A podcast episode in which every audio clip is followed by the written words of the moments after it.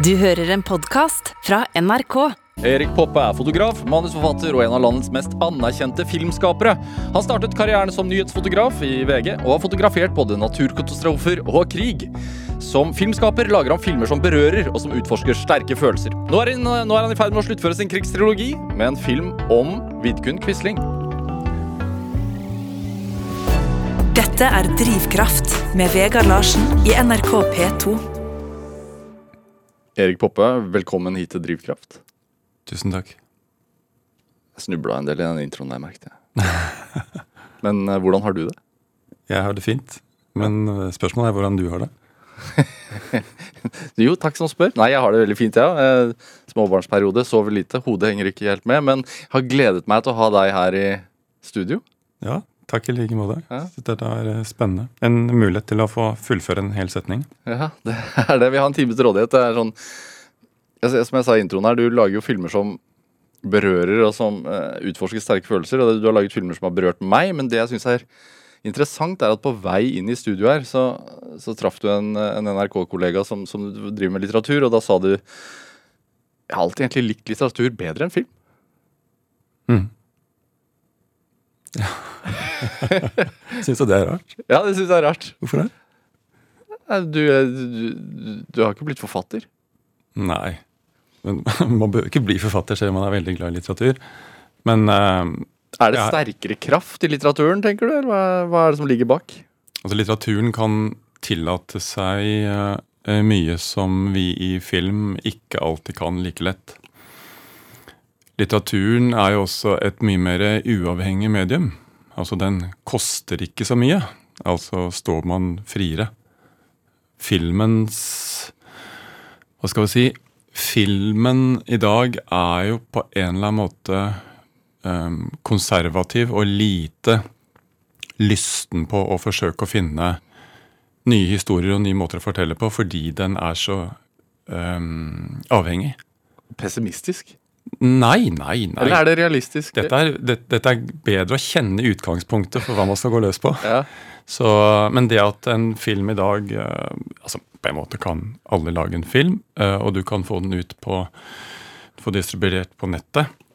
Og millioner kan se den, eh, og det syns jeg er fantastisk. Altså Du kan med mobiltelefonen din klare å fortelle en historie, en begynnelse, en midt og en slutt, som kan få folk på den andre siden av kloden til å bli berørt. Eh, hvilket jeg mener kanskje er ofte eh, beviset på at man har lykkes i noe. Eh, og, men de filmene som vi ofte De som jeg er knyttet opp til, er jo filmer som eh, ofte skal ut på kino. Skal jo nå ganske mange mennesker. Eh, det er veldig mange som sitter og måler hvor mange mennesker som så den filmen. Gjør du det? Nei. Det kan jeg ikke gjøre. Jeg kan ikke starte med å tenke nå skal jeg gjøre en film som nås av veldig, veldig mange. Da har jeg tapt. Det er mange eh, filmskapere som gjør det, eller? Ja, men vet du hva? Um, um, Robert Bressot, som er en fransk kollega av meg, han døde for mange år siden. Han var jo en mester i dette faget. Um, sa en gang at det fins på en måte to typer filmer. Det fins to typer filmskapere. Det fins de som lager filmer som ser ut som filmer, som veldig mange bare vil se. De vil bare se en film. Og så er det de som gjør det andre. De som forsker prøver å finne ut av på en eller annen måte prøver å overraske både seg selv og overraske sånn sett også da publikum med en opplevelse som kanskje kan oppleves friskere. Kanskje litt smalere, kanskje ikke for like mange mennesker, men som er med på mange måter å skyve, flytte liksom grensen og utviklingen for hva film er. Og når vi i dag vet at publikum er blitt så utdannet, så godt trent i å lese mediet vårt, eh, så syns jeg det er påfallende rart at ikke vi tillater oss å gi de lønn. Eh, gjøre enda mer friske, mer originale ting. Eh, og jeg ser lyst på situasjonen nå, jeg ser lyst på framtiden, for jeg mener jo at det er Vi er inne i en liten sånn revolusjon eh, hvor eh, hvor eh, flere tillater seg det.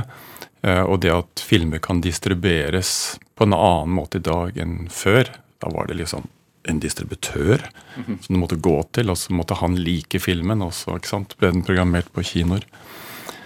Eh, mens eh, i dag er det mange flere distribusjonskanaler. da. Men man hører jo hele tiden om sånn kinoens død eh, kvalitetsfilmens død. da.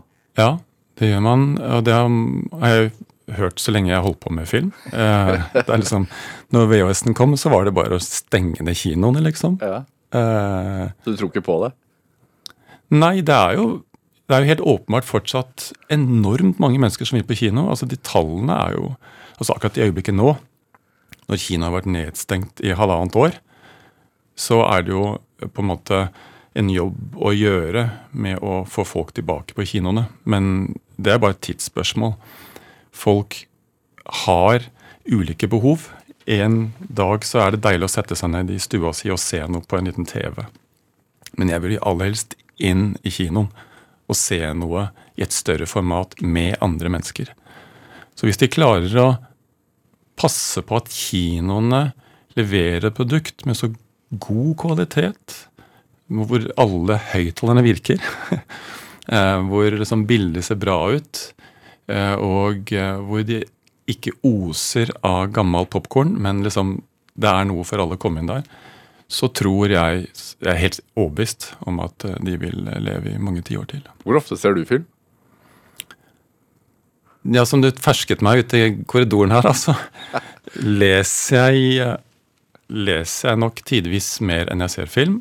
Men eh, det er fordi at jeg på en måte har sett meg gjennom hele filmarven.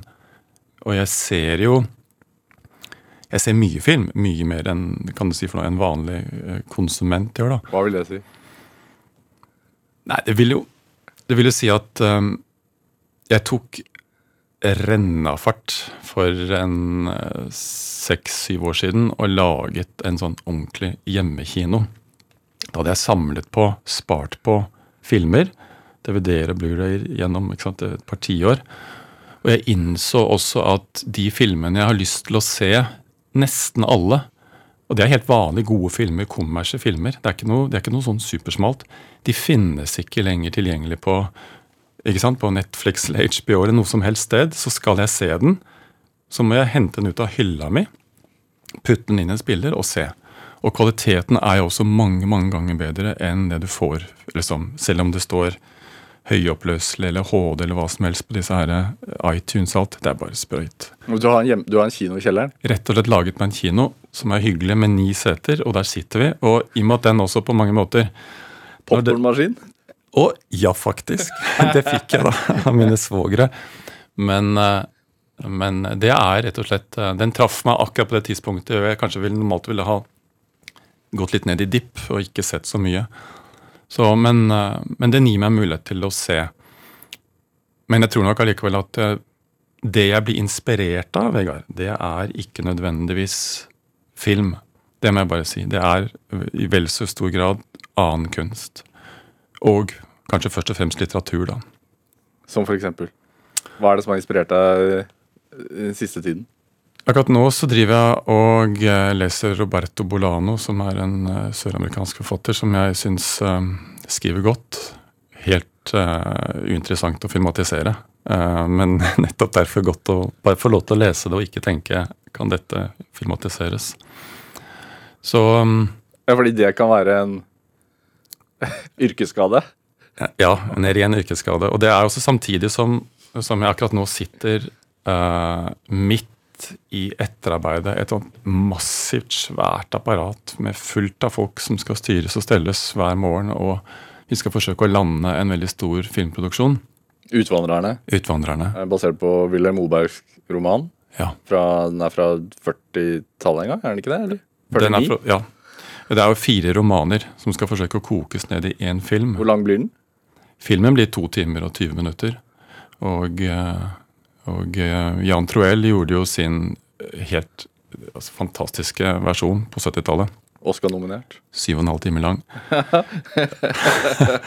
Så eh, det er jo ikke en filmatisering av hans versjon, det er jo en helt ny tolkning. Jeg kan gjerne komme tilbake til det, men da vil jeg bare som si at eh, når jeg er midt i den sånn fase, så kan jeg rett og slett gå litt lei. Altså da, da er det å se film enten noe jeg ikke tør, For plutselig så er jeg redd for at jeg ser noe noen har gjort som jeg syns er genialt. Og da må ikke jeg finne på å forsøke å få dette inn i mitt prosjekt, hvis du skjønner. Så her gjelder det å holde en armlengdens avstand. Men, eh, men eh, Og da er det jo sånn at jeg registrerer jeg at eh, liksom jentene mine og Kirsten de går jo inn i kinoen og ser, og jeg sier ikke i dag. Så jeg sitter nede og hører at de Kinoen er for øvrig oppe og ikke nede. Så det Så hvor mye film jeg ser Men jeg, jeg har jo glede av um, Virkelig, jeg gleder meg til å se filmer. Først og fremst på kino. Men om ikke jeg får det, så er det også muligheter også å sette seg ned i, hjemme og se det. Men det må være Gjerne kun, kunstnerisk interessant for deg? Altså, det må gi Nei, deg noe. Det kan, det kan ikke være bare for å slappe av? Og, Jo da, selvfølgelig kan det. Det kan jo være sprøyt. altså. Det Ja. er klart det kan det. Og jeg, altså, hva er det siste sprøytet du så? Ehm, Du må være forsiktig, da, siden Nei, men jeg, jeg, skal, jeg, kan, jeg kan være ærlig og si at jeg tror det var Mamma Mia. Fordi jeg har en datter som sikkert har sett den 150 ganger og kan alle replikkene. Og fordi Fordi um, det er så deilig for henne, så blir det deilig for meg òg. Det er liksom ikke noe mer enn det. En musikal som egentlig er ja. ABBA-musikal. Ja. Musikalen er sikkert bra. Stellan Skarsgård i en av rollene. Det òg. Ja. Han er en venn av deg. Hvordan er det å se, eller antar jeg, hvordan er det å se han drive og danse og synge? Nei, jeg syns han er en flott, uh, flott mann, jeg. Altså, jeg, jeg, jeg er, det er ikke noe han sier nei til. Men også, uh, du nevner Utvandrerne, uh, som du er midt inne i. Mm. For, bare for å å- å- Hvordan er Og du, filminnspillingen ble ferdig for en ganske god stund siden? Og den ble ferdig på et ganske dramatisk vis. Så ble den ikke ferdig. Den skulle blitt ferdig når vi var nede i Romania. Natt til 1. desember så, så skar det seg helt. Eh, Vi startet opptakene i september eh, i Sverige. eh, Og pga. Koronasituasjonen så stoppet jo absolutt alle produksjoner i hele verden. Det var ikke fordi alle kom på det samme, men det var først og fremst fordi at alle forsikringsselskapene sammen trakk seg ut av alt. Og i øyeblikket du ikke har forsikret en film, så er det ingen som tør å gå i opptak. Så det var det første som skjedde. eh, Men eh, så fant man en løsning på det. Og så valgte SF å likevel gå for et opptak i høst, fjor høst. Eh, Et forsvarlig, det var et godt opplegg. og vi satte opp et svært medisinsk sånn, sikkerhetsopplegg for at uh, dette skulle være trygt og godt. Og eh, alt ble flyttet til Sverige. Er det sånn at på et tidspunkt at man tenker Er det mulig å få til i det hele tatt? Altså, hvor lenge vil pandemien vare? Hvordan vil den utvikle seg? Naturlig. Ja. Det er det man starter med. Man tenker dette går jo egentlig ikke. Uh, og et uh, filmsett kan bestå av at jeg kan ha opp mot 100-150 medarbeidere. Og jeg kan ha normalt sett eh, kanskje opp mot 1000 statister. eh, på et veldig lite område. Så det sier seg selv at dette lar seg jo ikke gjøre. Men eh, vi fant fram til en, eh, en løsning som virket eh, veldig forsvarlig og god, og det var den etter, etter vårt alders skjønn. Så vi satte i gang og filmet. eh, og så skulle siste del av dette måtte gjøres i Romania. Hvor vi har bygget opp New York 1849, eh, Manhattan, med mange, mange kvartaler og enormt bygg. Og der skulle være liksom eh, flere tusen statister inne, og kaos, sånn som New York så den gangen. Eh, Og vi eh, forflytter oss ned dit, og eh, har de siste da eh, syv-åtte opptaksdagene der nede. Vi hadde med én svensk overlege som var spesialist på korona. Vi hadde med masse sykepleiere. Testes hver eneste dag. Så hvis du tror at disse neseborene her eh, kan de så ut rundt juletider Ja, fy. Eh, Men eh, ehm, så gikk vi i gang, og så eh, skjer det til slutt. Så la vi liksom de største scenene de siste dagene. Men så kommer på en måte meldingen inn eh, om at alle rundt, og alle mine nærmeste medarbeidere, det er det som var på en måte selve produksjonsledelsen, eh, begynte å begynte å få utslag. Og så, ble, altså, så gikk det så fort at det var ikke til å tro, ennå vi jo hadde gjort alt riktig. Og det forunderlige var at det var samtlige i en sirkel rundt meg som om det var jeg som måtte ha smittet dem. Oi. Supersprederen. Supersprederen, meg. Men uh, jeg slapp selv altså faktisk unna. Og endte opp med å være den som var den eneste i, i den øverste ledelsen som var ansvarlig for prosjektet da. Og måtte begynne å ringe rundt på kvelden og natta etter hvert som stadig nye meldinger kom om at vi måtte få ned ambulansefly for å få disse menneskene hjem til Norden. Og vi måtte få rekvirert et svært sånn 737 for å få den nordiske staben hjem. Hvordan er du i sånne krisesituasjoner? Um, jeg tror jeg er bedre i krisesituasjoner enn jeg er når, det, når alt er så gjennomplanlagt at det bare skal gjennomføres. For da kan jeg bli utålmodig. Men uh, um, jeg, um, um, jeg, jeg, jeg er veldig glad i å seile og være på sjøen. Og har vært det siden jeg var liten. Og jeg lærte veldig fort en gang at hvis du er ute og det blåser opp og du har med deg folk, eh, og det har det gjort noen ganger, når det virkelig kommer, så er det én regel som gjelder, og det er å bruke innestemme. Ikke rope rundt på dekk. Da er det viktig at vi alle, ikke sant? Ja. At man finner ok, hvordan, hvordan løser vi dette? Og så gjør vi det sammen, på en måte. Men det er det eneste. altså Det er ikke lov til å rope. Så den roen når det begynner å dra seg til, den, den kan være god å ha.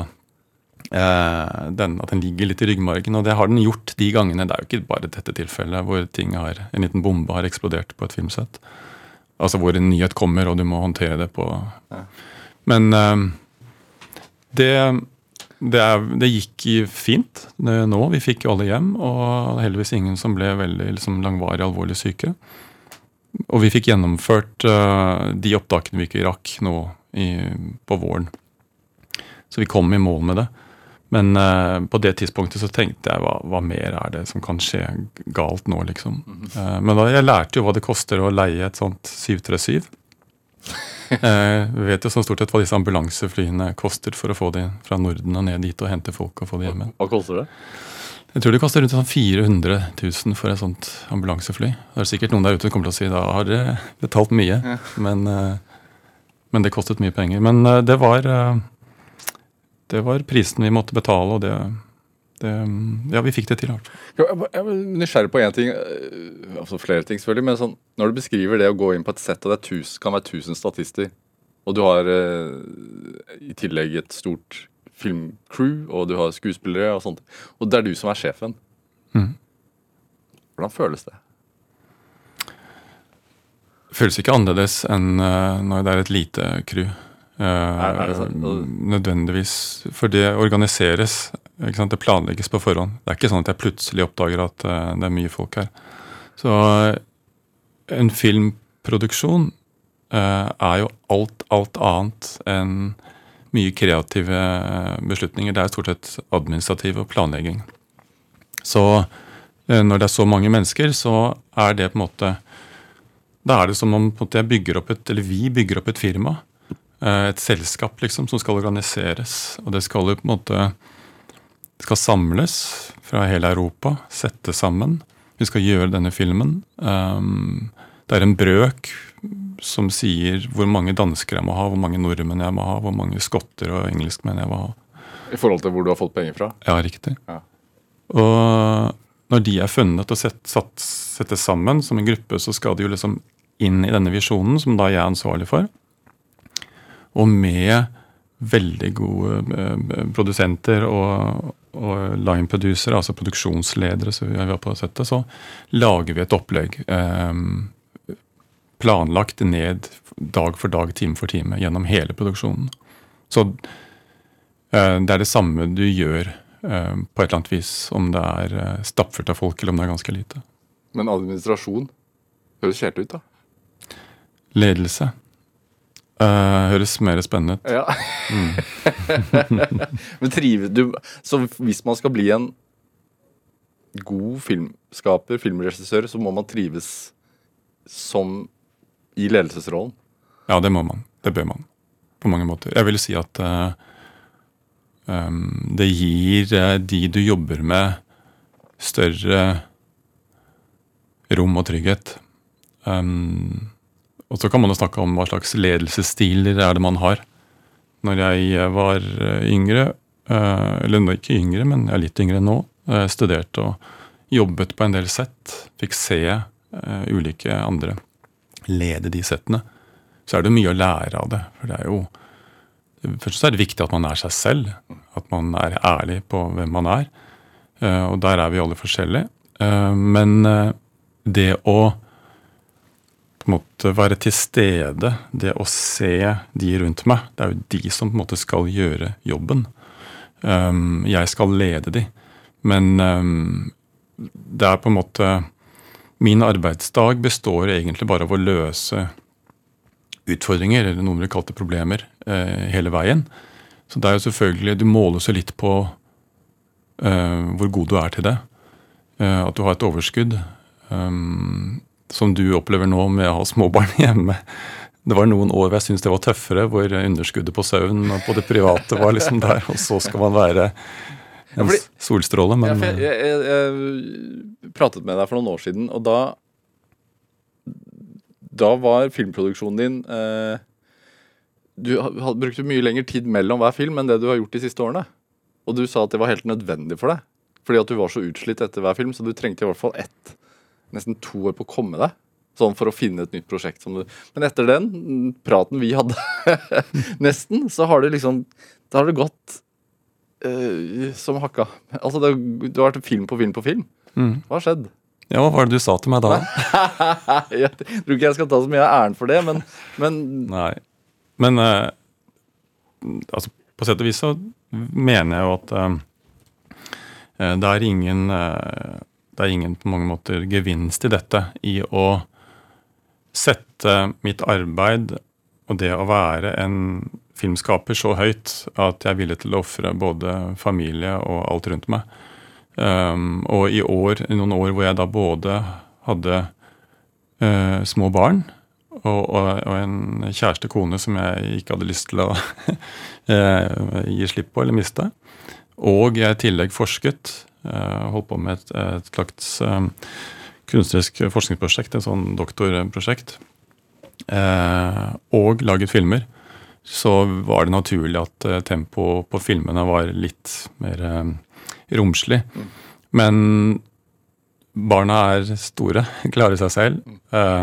Og Kirsten er der fortsatt. Hun holder på med sitt. Og jeg kan bruke nesten all min tid på, på dette jeg nå gjør. Og så er det det rare med det at um, ja, det kommer til punkt. I fjor fylte jeg 60, og tenker jeg liksom Jeg begynner å tenke hva, hva rekker jeg nå hvis jeg fortsatt bruker fire år på hver film? Uh, da begynner jeg å få alvorlig dårlig tid. Selv om en gjennomsnittlig gullpalmevinner er en hvit mann på 75 eller noe. ja. Så det er ikke noe pensjonsalder i, i dette yrket. Men, uh, men jeg hadde jeg har så mye jeg har lyst til å gripe fatt i, og så er det mange ting jeg har brukt mange år på å utvikle, som nå begynner å falle på plass. Så det er litt lettere også å faktisk ha tre baller i luften hele tiden. Ha en, som er det å være i eh, forarbeid, altså på et prosjekt. Og så er det den, det som handler om at jeg er rett forestående og går i opptak med noe, og så er det at jeg er etterarbeid på dette nå. Så jeg kan på mange måter holde tre filmer i hodet på en gang. Ja, fordi nå, sånn som nå så sitter du i, i klippen med, med Utvandrerne. Og så er du i forarbeid med filmen om Vidkun Quisling, mm. som du går i opptak med senere i år. Mm. Et, filmer om gamle dager. Hvor, hvor, hvor, viktig er det for deg at, du, at det er relevant for vår tid? Um, for meg så må det oppleves som samtidsfilmer, som historier om denne samtiden, den jeg lever i nå. Eh, jeg er jo ikke noe glad i historiske filmer sånn sett. Jeg er ikke noe glad i den form for historietimer. Da leser jeg heller om det, eller eh. Hvorfor er Mobergs bok eh, eller bøker relevante i år, da?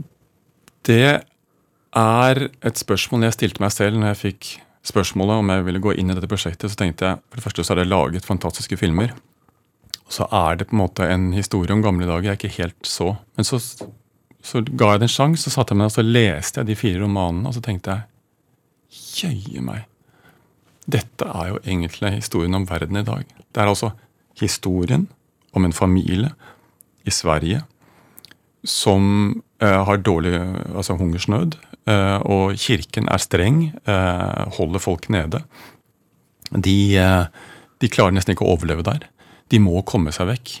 De benytter seg av retten som ethvert menneske har til å håpe og ønske eh, et bedre liv for sine barn.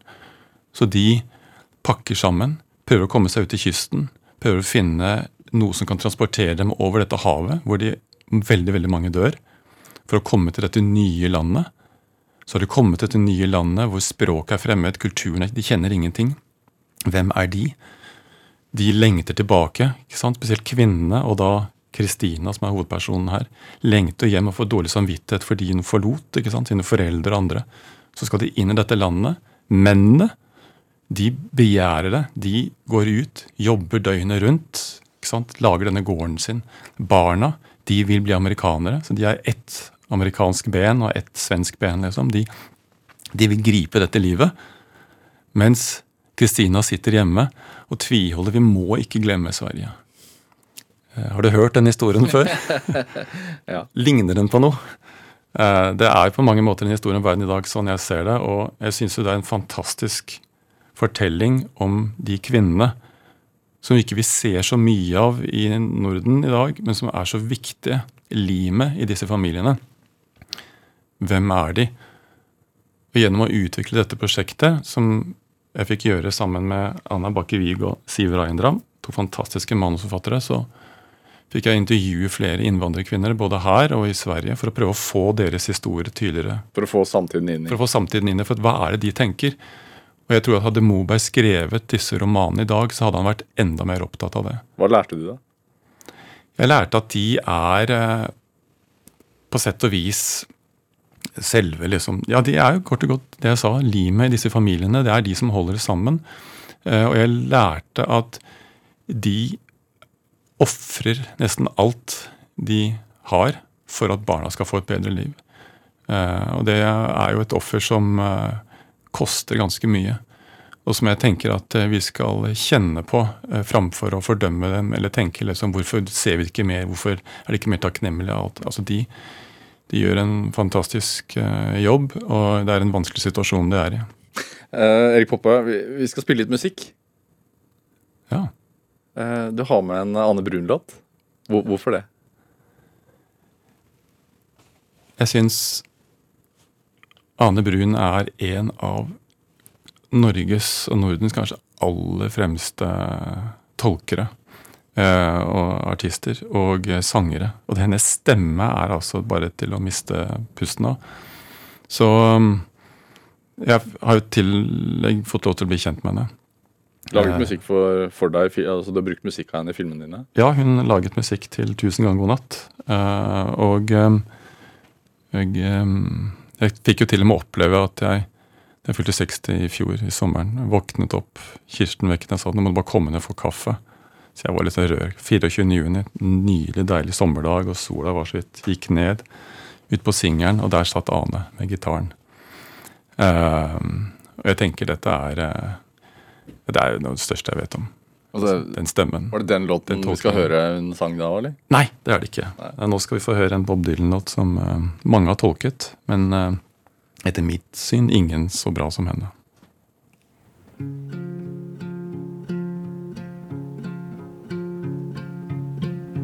When the rain is blowing in your face and the whole world is on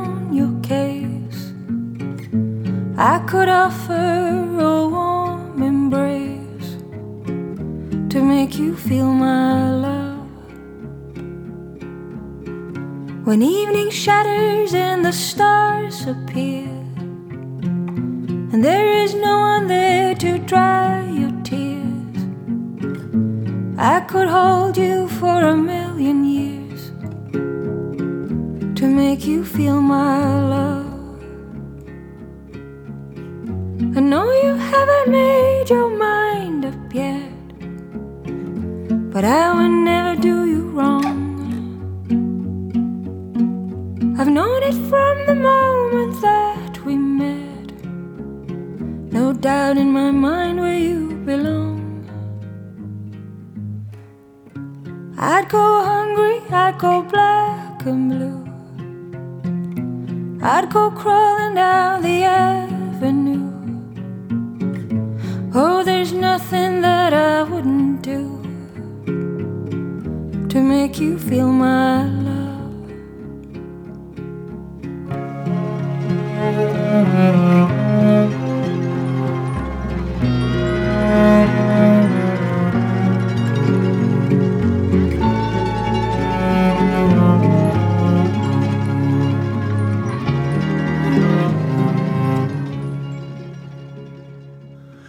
Fikk en smakebit fra Ane Bruns 'Make You Feel My Love' her i Drivkraft på NRK P2, valgt av dagens gjest her i Drivkraft, nemlig filmskaper Erik Poppe. Hvor er du fra, Erik? Jeg er fra Oslo. Ja, hvor i Oslo? Boltløkka. Hva slags sted er det for de som ikke kjenner det? Eller var, det- var det da du vokste opp der? Da var det eh, midt i byen. Det var liksom ikke øst, ikke vest. Det var det som var midt i.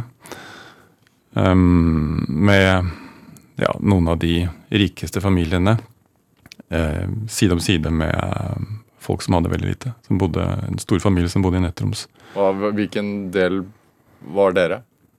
Um, vi um, Vi var Nei, vi var vel en uh, middelklasse, litt øvre middelklasse. På det tidspunktet en Vi bodde i en stor leilighet oppe i Ullåsveien oppe ved Admstua. Så det var uh, Men uh, vi som var barn, tenkte jo ikke så mye på det.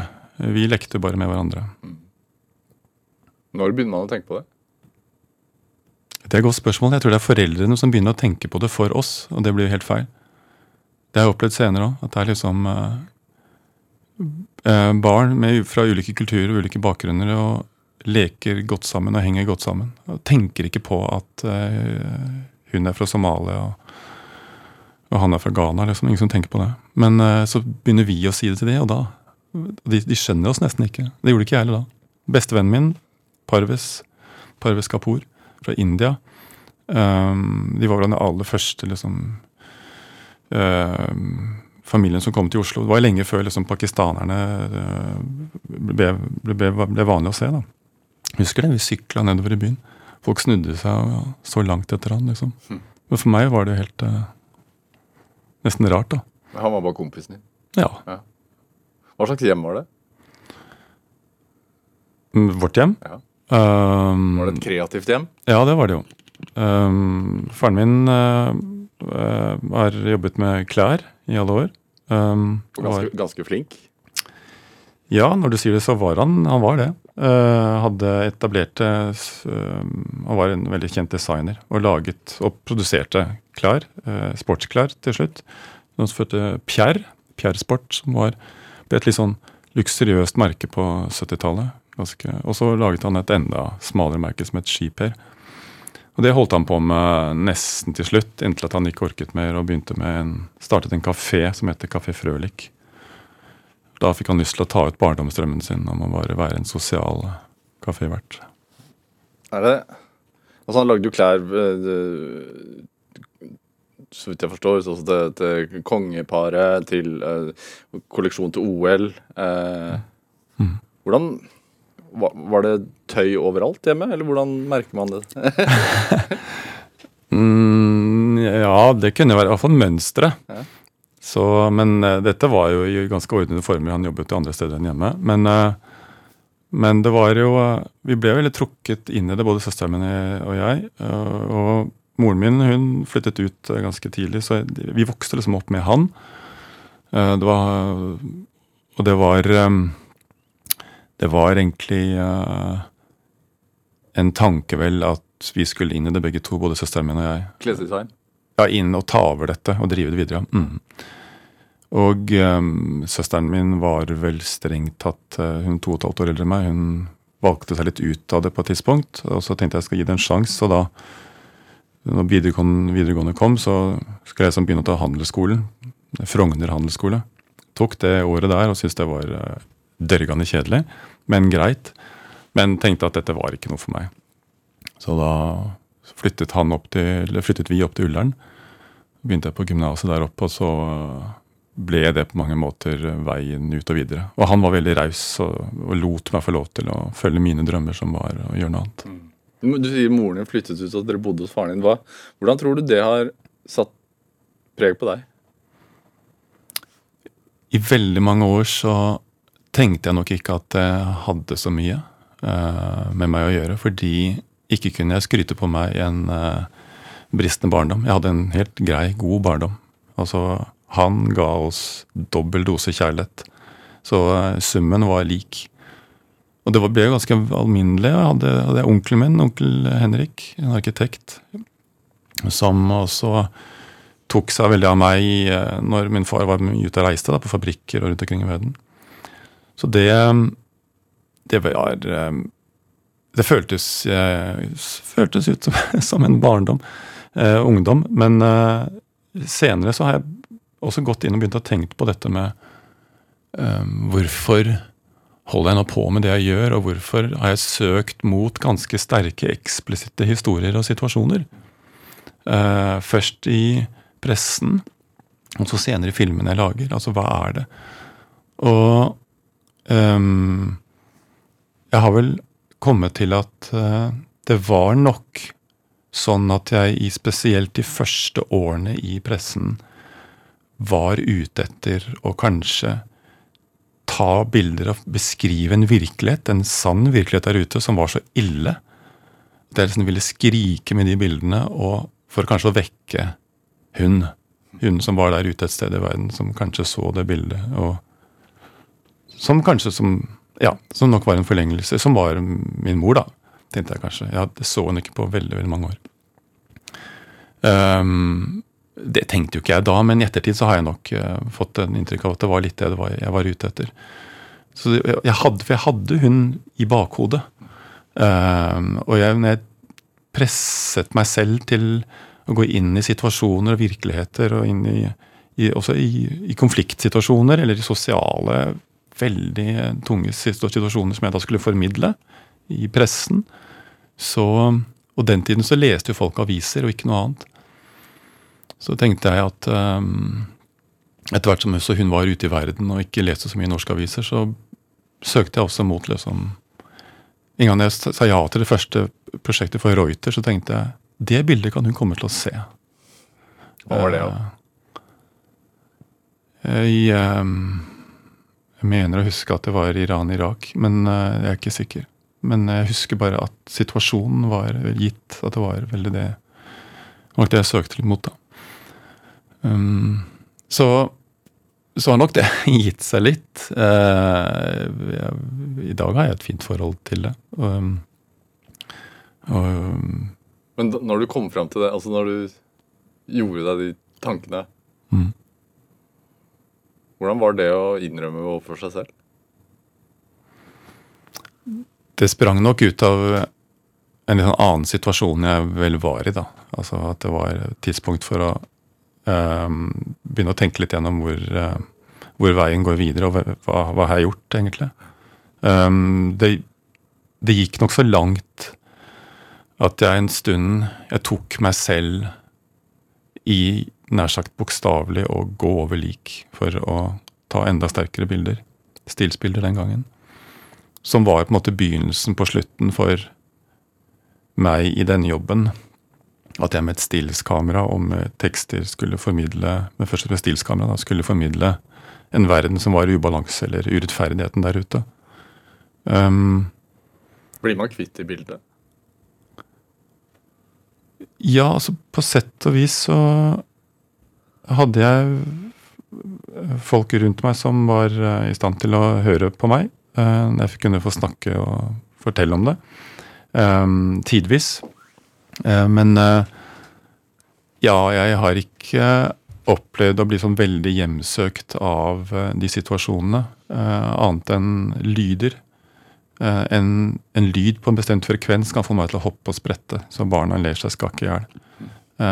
Og det, det er nok en, det er frekvenser fra noen lyder som jeg måtte være så veldig på vakt på.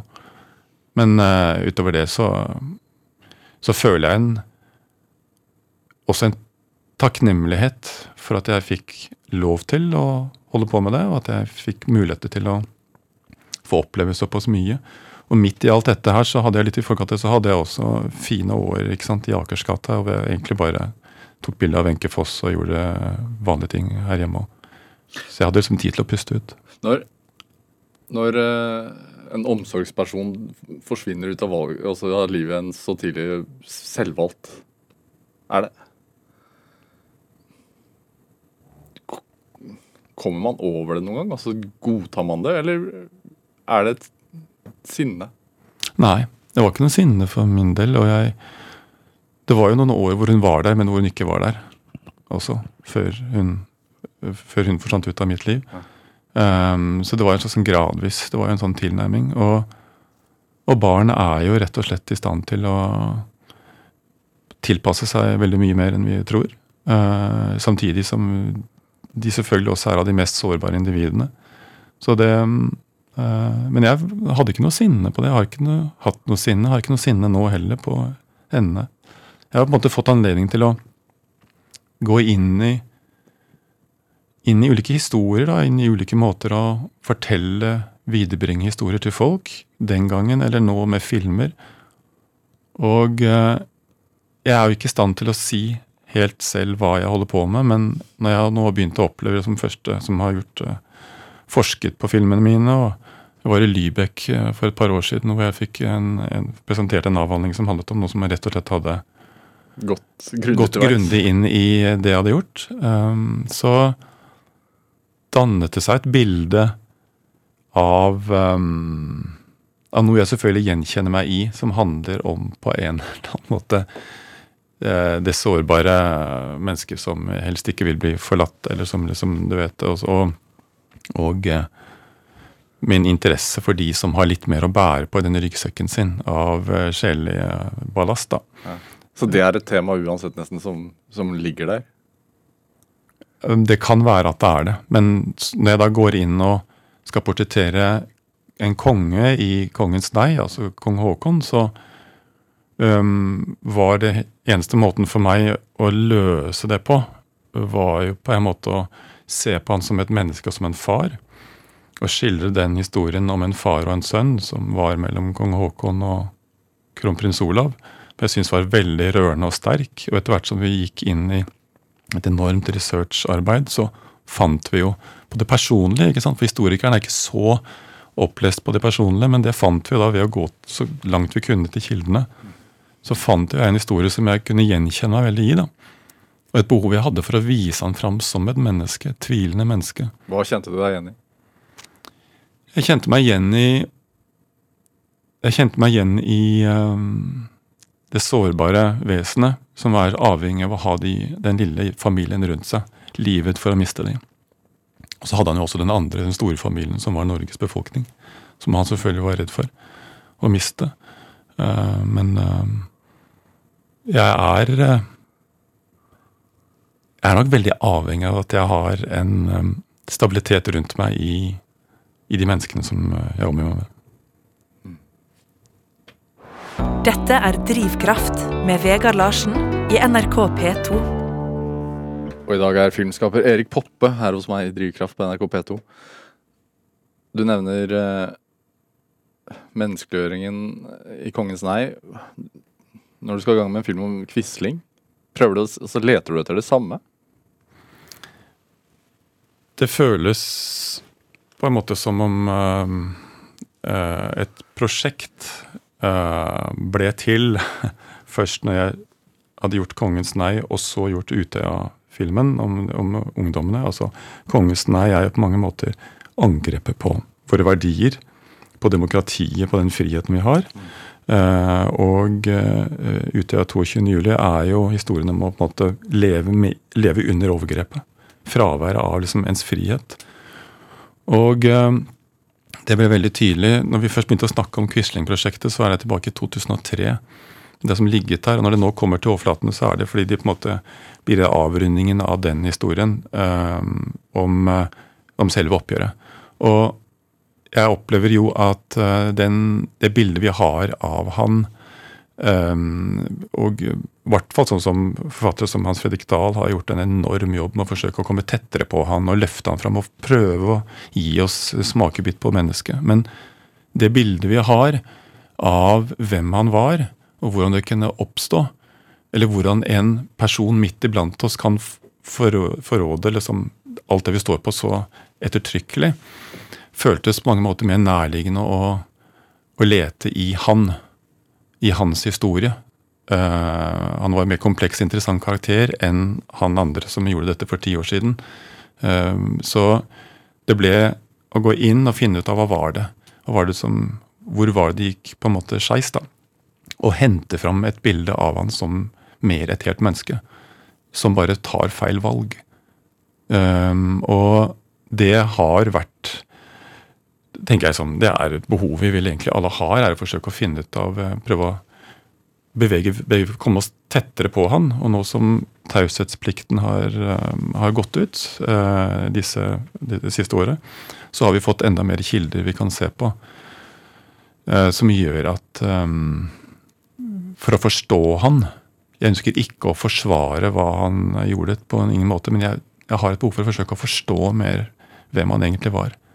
Eh, og jeg syns at de framstillingene som har vært fram til nå, er litt sånn forenklet, bygger på det behovet vi bare har hatt for at han bare har vært en sånn, en sånn fyr. Ja. Bare en on ondskap, liksom? Ja. Vi har liksom bare, liksom, la oss bare få ha han der. Men øh, jeg mener at øh, skal vi komme videre, så skal vi, skal vi, legge det helt bak oss. Så må vi faktisk være ærlige og se hva var det som gjorde at øh, det skjedde.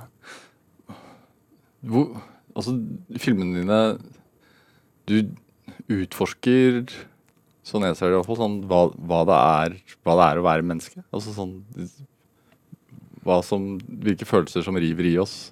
Kan vi tilgi? Kan Altså Hvorfor er det så spennende for deg? Tilgivelse, forsoning, komme videre. Uh, jeg tror kanskje det ligger en uh, Det ligger en uh, På ene siden så mener jeg at vi lett um, ser uh, At vi, liksom, vi, danner oss veldig som forenklede bilder uh, som ikke alltid hjelper oss videre uh, i situasjoner og konflikter i livet. Jeg tror at på den annen side så tenker jeg som jo ikke er religiøs, men, men har sånn stor respekt for de som er det. Uh, og hva de tenker, og hva vi kan hente ut av det. Og den der begrepet med liksom tilgivelse er jo et begrep som jeg har gått veldig inn i og tenkt liksom, fy søren så vanskelig det egentlig er å tilgi. Noen ganger er det veldig lett, men det er ikke alle jeg kan forvente at tilgir noen en annen. Og kanskje kan verden lettere komme seg videre hvis vi bare sier ok, la oss få forsone oss med hva som har skjedd. Uh, la oss bare, i hvert fall bare møte og si ok, det, dette skjedde, se hverandre i øynene, og så gå videre. Så kan det noen ganger være nøkkelen som kan låse opp hverandres liv, og så kan vi legge det bak oss og gå videre. Er det et mål med, med, med kunsten din? At du ønsker å lære oss det, holdt jeg på å si? Ja, nei, men det, det er vel å forsøke å gå gjennom menneskelige historier og, og gjøre de gjøre de tilgjengelige for oss. Eh, og det er der filmen ikke sant, i forhold til Når vi startet, snakket om litteraturen, så kan jo litteraturen tillate seg å bygge inn og si noe veldig stort og komplekst, men også i en springende form, som jeg syns er fantastisk. Mens filmen må ofte være litt mer fokusert og konsentrert. Den skal gjerne være over i løpet av en par timer.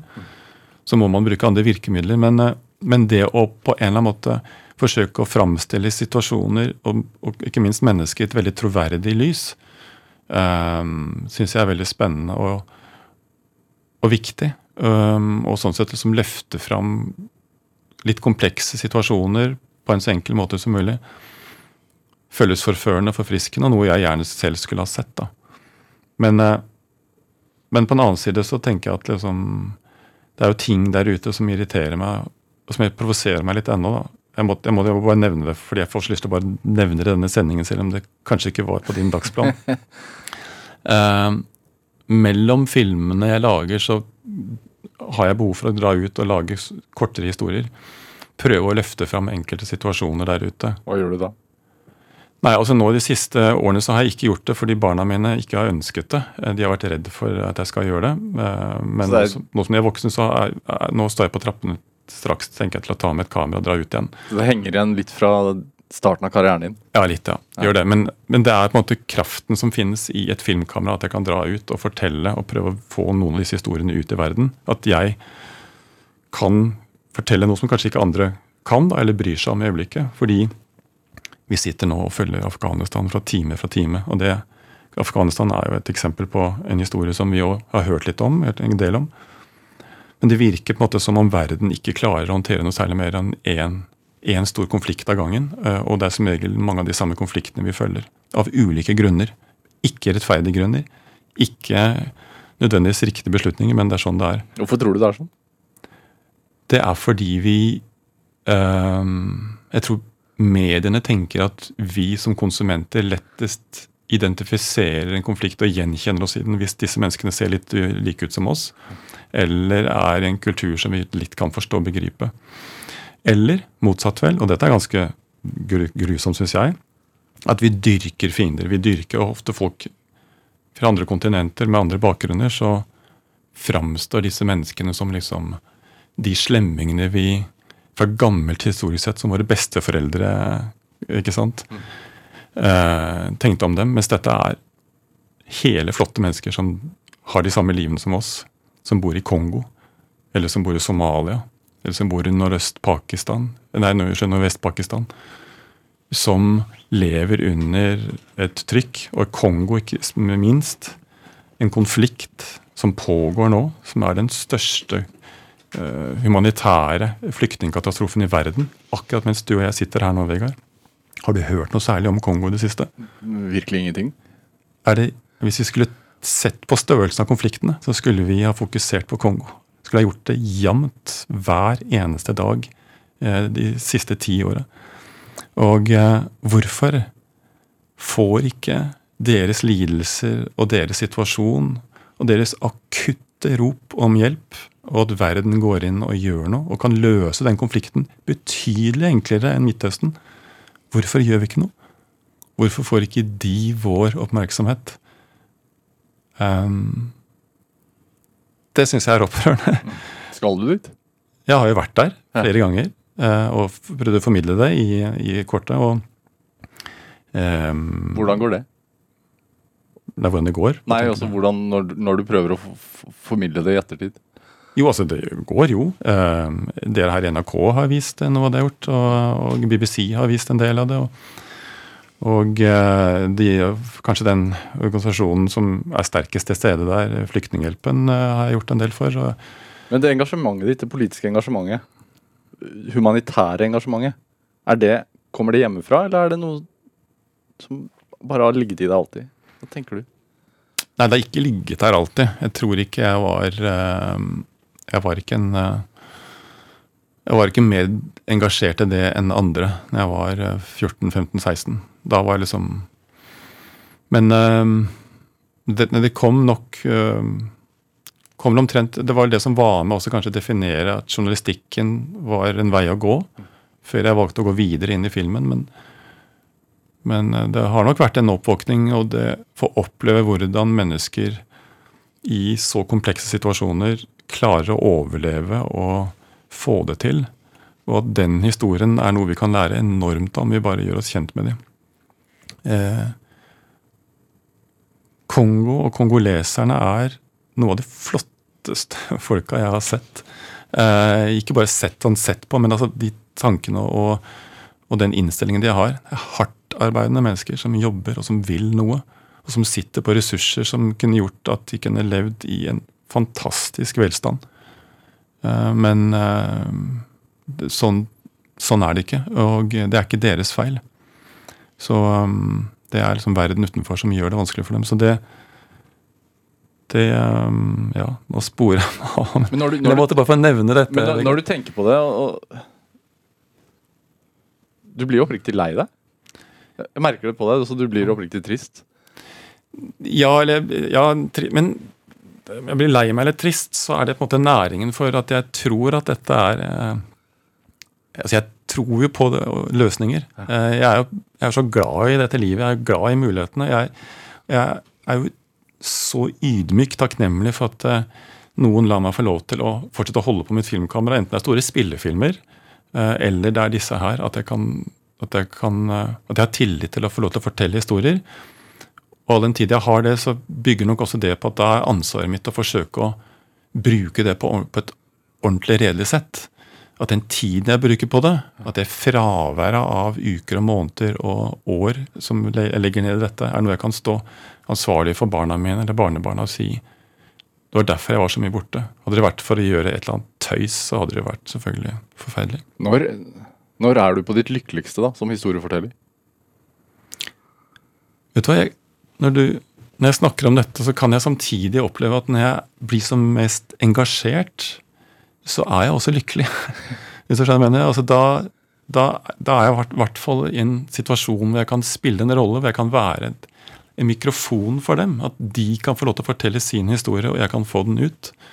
Um, og om det er en spillefilm Jeg trakk en del av dette her inn i en film jeg laget som heter 'Tusen ganger god natt', hvor jeg gikk ganske langt inn i bl.a. Kongo-konflikten og annet, og skildret denne, dette mennesket som hadde dette kallet, og som sto i En krigsfotograf i Kongo. Ja. Sto mellom spennet hjemme og ute. Ja, ikke sant? Eh, om å redde på en måte barn der ute med sine bilder, eller å redde sine egne barn hjemme, på en måte, som begynte å, som begynte å skrante.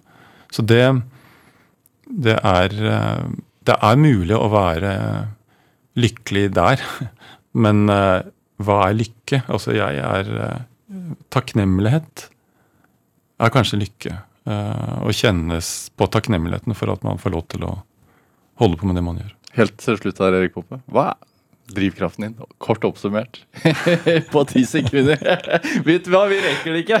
Å gjøre en forskjell. Timen er Å gjøre en forskjell. Tusen takk for at du kom hit i dag. Takk. Um, produsent uh, i dag eh, var Kjartan Aarsand. Uh, du kan høre flere Drivkraft-samtaler i, i, i NRK på nett eller på appen vår. Øystein kjenner du gjorde research dette programmet. Jeg heter Vegard Larsen. Nå får du straks NRK Nyheter her på P2. Eh, og så er vi tilbake igjen i morgen. Ha det bra.